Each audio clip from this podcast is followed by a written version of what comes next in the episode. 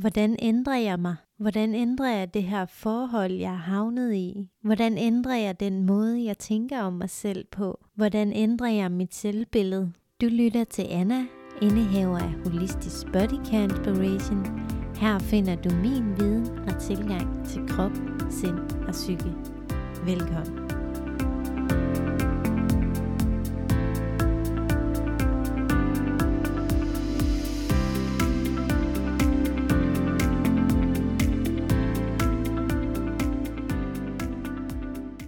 Det kan ofte føles som et større puslespil, når vi skal begynde at ændre de her forhold, vi har udad til eller med sig selv. Og ændre sit selvbillede, det er jo egentlig også ens betydning med, at vi bliver nødt til at ændre vores holdninger nogle gange. Og der er det jo rigtig besværligt egentlig at være stedig. Stedighed, det bliver nemlig en blokering for at ændre de her resultater, du går og ønsker. Og jeg vil selvfølgelig komme ind på, hvad det er, jeg mener med den her stedighed og hvordan den kan blokere. Stedighed og behov er noget, sindet nogle gange kan blive fodret med, så det bliver til en vane i stedet for. Og jeg vil selvfølgelig forklare den her tolkning. Stedighed, det kommer jo tit og ofte, når vi ikke tør at gå ud i det uvante og det uvisse. Og stedighed, det ligger jo meget op af den her gamle skole. De gamle normer, de gamle rammer, de gamle trygge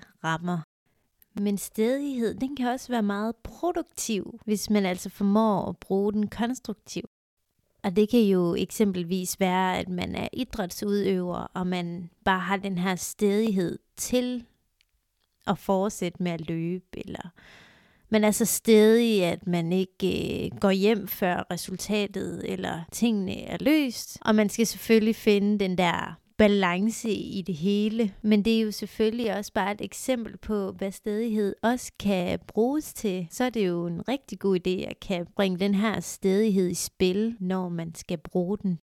Det kan være som sportsudøver, eller have den her direktørstilling. Så har man ofte et præg af stedighed. Og så er der behovet. Behov er gode og behov er godt, når man kan finde ud af at bruge dem. Det kan være behovet for at restituere efter træning, behovet for at trække sig, behovet for at hvile sig. Det kan også være behovet for at sige din mening højt. Og det her, det er jo nogle gode behov. Det er nogle dejlige behov. Altså det her, det er jo nogle behov, der giver os noget. Men hvor mange er egentlig i kontakt med sine behov, altså de behov, der faktisk beriger os. De behov, der gør, at vi skaber vækst. Fordi nu kommer den her interessante anden del. Jeg ser nemlig rigtig mange, både drenge og piger, unge som gamle. Det jeg ofte ser, det er behovet for selvkritik. Behovet for at være i de her drænende forhold. Behovet for at lade sig styre af andres begrænsende overbevisninger. Og det er her, at jeg vil lære dig, hvordan du kan ændre dig. Og når jeg siger ændre dig, så mener jeg ikke som person, men at ændre dine tanker om dig selv. Og hvordan kan vi så ændre alt det her? Det kan vi altså, når vi lærer at give slip på behovet. Du skal altså lære at sige til dig selv, jeg er villig til at give slip på behovet. Det kan være perfektionisme, kontrol, det kan også være selvkritik. Men når vi slipper behovene, så begynder der altså at ske en omprogrammering i hele sindet. Fordi når vi prøver at give slip på en mønster, så kan det samtidig se ud som om, at alting det bliver midlertidigt værre. Og det er altså ikke dårligt. Det er bare et tegn på, at situationen den begynder at ændre sig. Nogle gange så skal tingene altså blusse op, før de kan blusse ned igen. Vi arbejder på at forbedre vores velstand, og vi mister vores tegnepunkt. Vi arbejder på at forandre vores forhold til andre, og vi kommer op og skændes. Og det kan være, at vi arbejder på at blive raske, og så bliver vi forkølet. Tider så bevæger problemerne sig i en anden retning, og vi begynder sådan at kan se og forstå, det hele billede af, hvorfor man har sine afhængigheder og overbevisninger, sine vaner, hvorfor det var, at jeg blev fastryger, skabte mine cigaretter et røgslør, så jeg ikke kunne se, hvor behagelige de her forhold var, jeg havde skabt for mig selv. Men det, du skal lægge mærke til her, det er, at cigaretterne, det er altså kun et symptom, og det er altså ikke den virkelige årsag. Men du skal altså se mine cigaretter som et symptom og ikke den virkelige årsag, men et røgslør for nogle forhold, jeg havde for nogle år tilbage. Og dengang jeg var villig til at give slip på behovet for dårlige forhold, og det kan jo selvfølgelig være kommet af lav selvværd, lav selvtillid, alle de her ting. Men det er ikke det, det handler om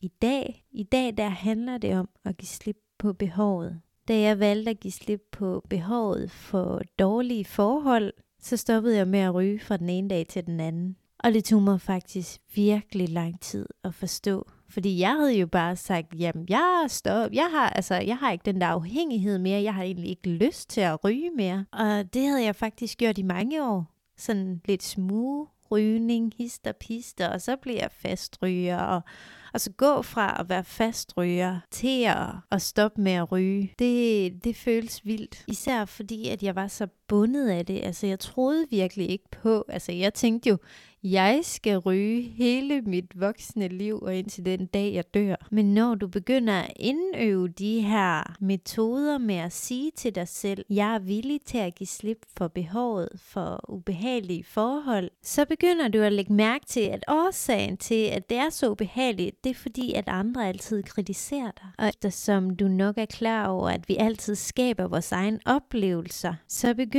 du nu at sige til dig selv, jeg er villig til at give slip for behovet for at blive kritiseret. Og man kan selvfølgelig lave den her tolkning rigtig dyb. Og jeg kan komme med et eksempel med cigaretter. Og nu har jeg jo snakket om kritik, og det kan være, at den her kritik, det er gået op for dig, at du er blevet kritiseret rigtig meget som barn. Eller at du som barn var omringet af en masse kritik. Og det kan også være, at du fik en masse kritik som barn. Men det her lille barn inde i dig, det føler sig kun hjemme, når det bliver kritiseret. Fordi det er det, du har lært og det er altså blevet et behov. Men det kan altså være en måde for at gemme sig, og så skaber man det her røgslør. Så at give slip for behovene, det kan altså skabe magi. Behov, det kan nemlig også skabe overvægt og undervægt. Det man ofte ser med overvægt, det er, at man har behovene for at spise, men det det ofte handler om, det er et tankemønstre, og måske en selvkritik, der ligger inde i dig. Og de her mønstre, de kan altså være så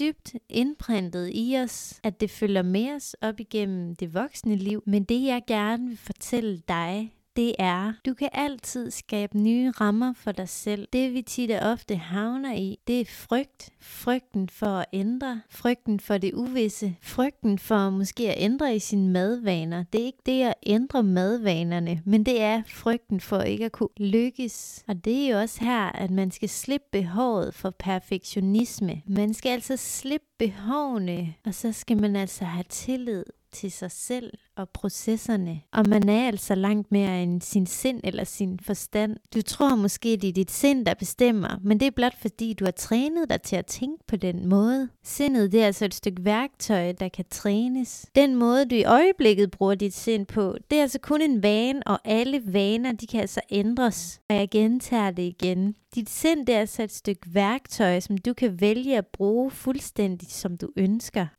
tit så vil vi rigtig gerne ud og ændre andre, men egentlig det vi skal ændre, det er noget i os selv. Vi kan ikke kontrollere andre, og vi kan ikke handle for andre eller på andres vegne. Men det vi kan kontrollere, det er vores tanker. Så hver gang vi ønsker at ændre noget i andre, så er det faktisk et ønske om at ændre noget i os selv. Så hver gang du er træt af nogen eller træt af noget, så se på den her person eller det her sted, når jeg har den her opførsel, hvordan har jeg det så med mig selv? Hvis jeg kører det her sted, altså hvis jeg arbejdede for det her sted, jeg måske ikke brød mig om, hvordan er mine indre tanker så om mig selv? For hemmeligheden er, at alting, det er altså bare en afspejling af, hvordan vi går og har det med os selv. Så hvis du ønsker at gå ud og ændre noget i verden, så start med dig selv først. Hvis du omringer dig med mennesker, der kritiserer dig eller ikke kan se dit værd, for eksempel, så kan du ændre din tankegang om dem og om det. Du ved allerede nu, at når man for eksempel har tendens til dårlig opførsel eller dårlige udtalelser om andre, at det er gentagende, og adfærden selvfølgelig også afspejler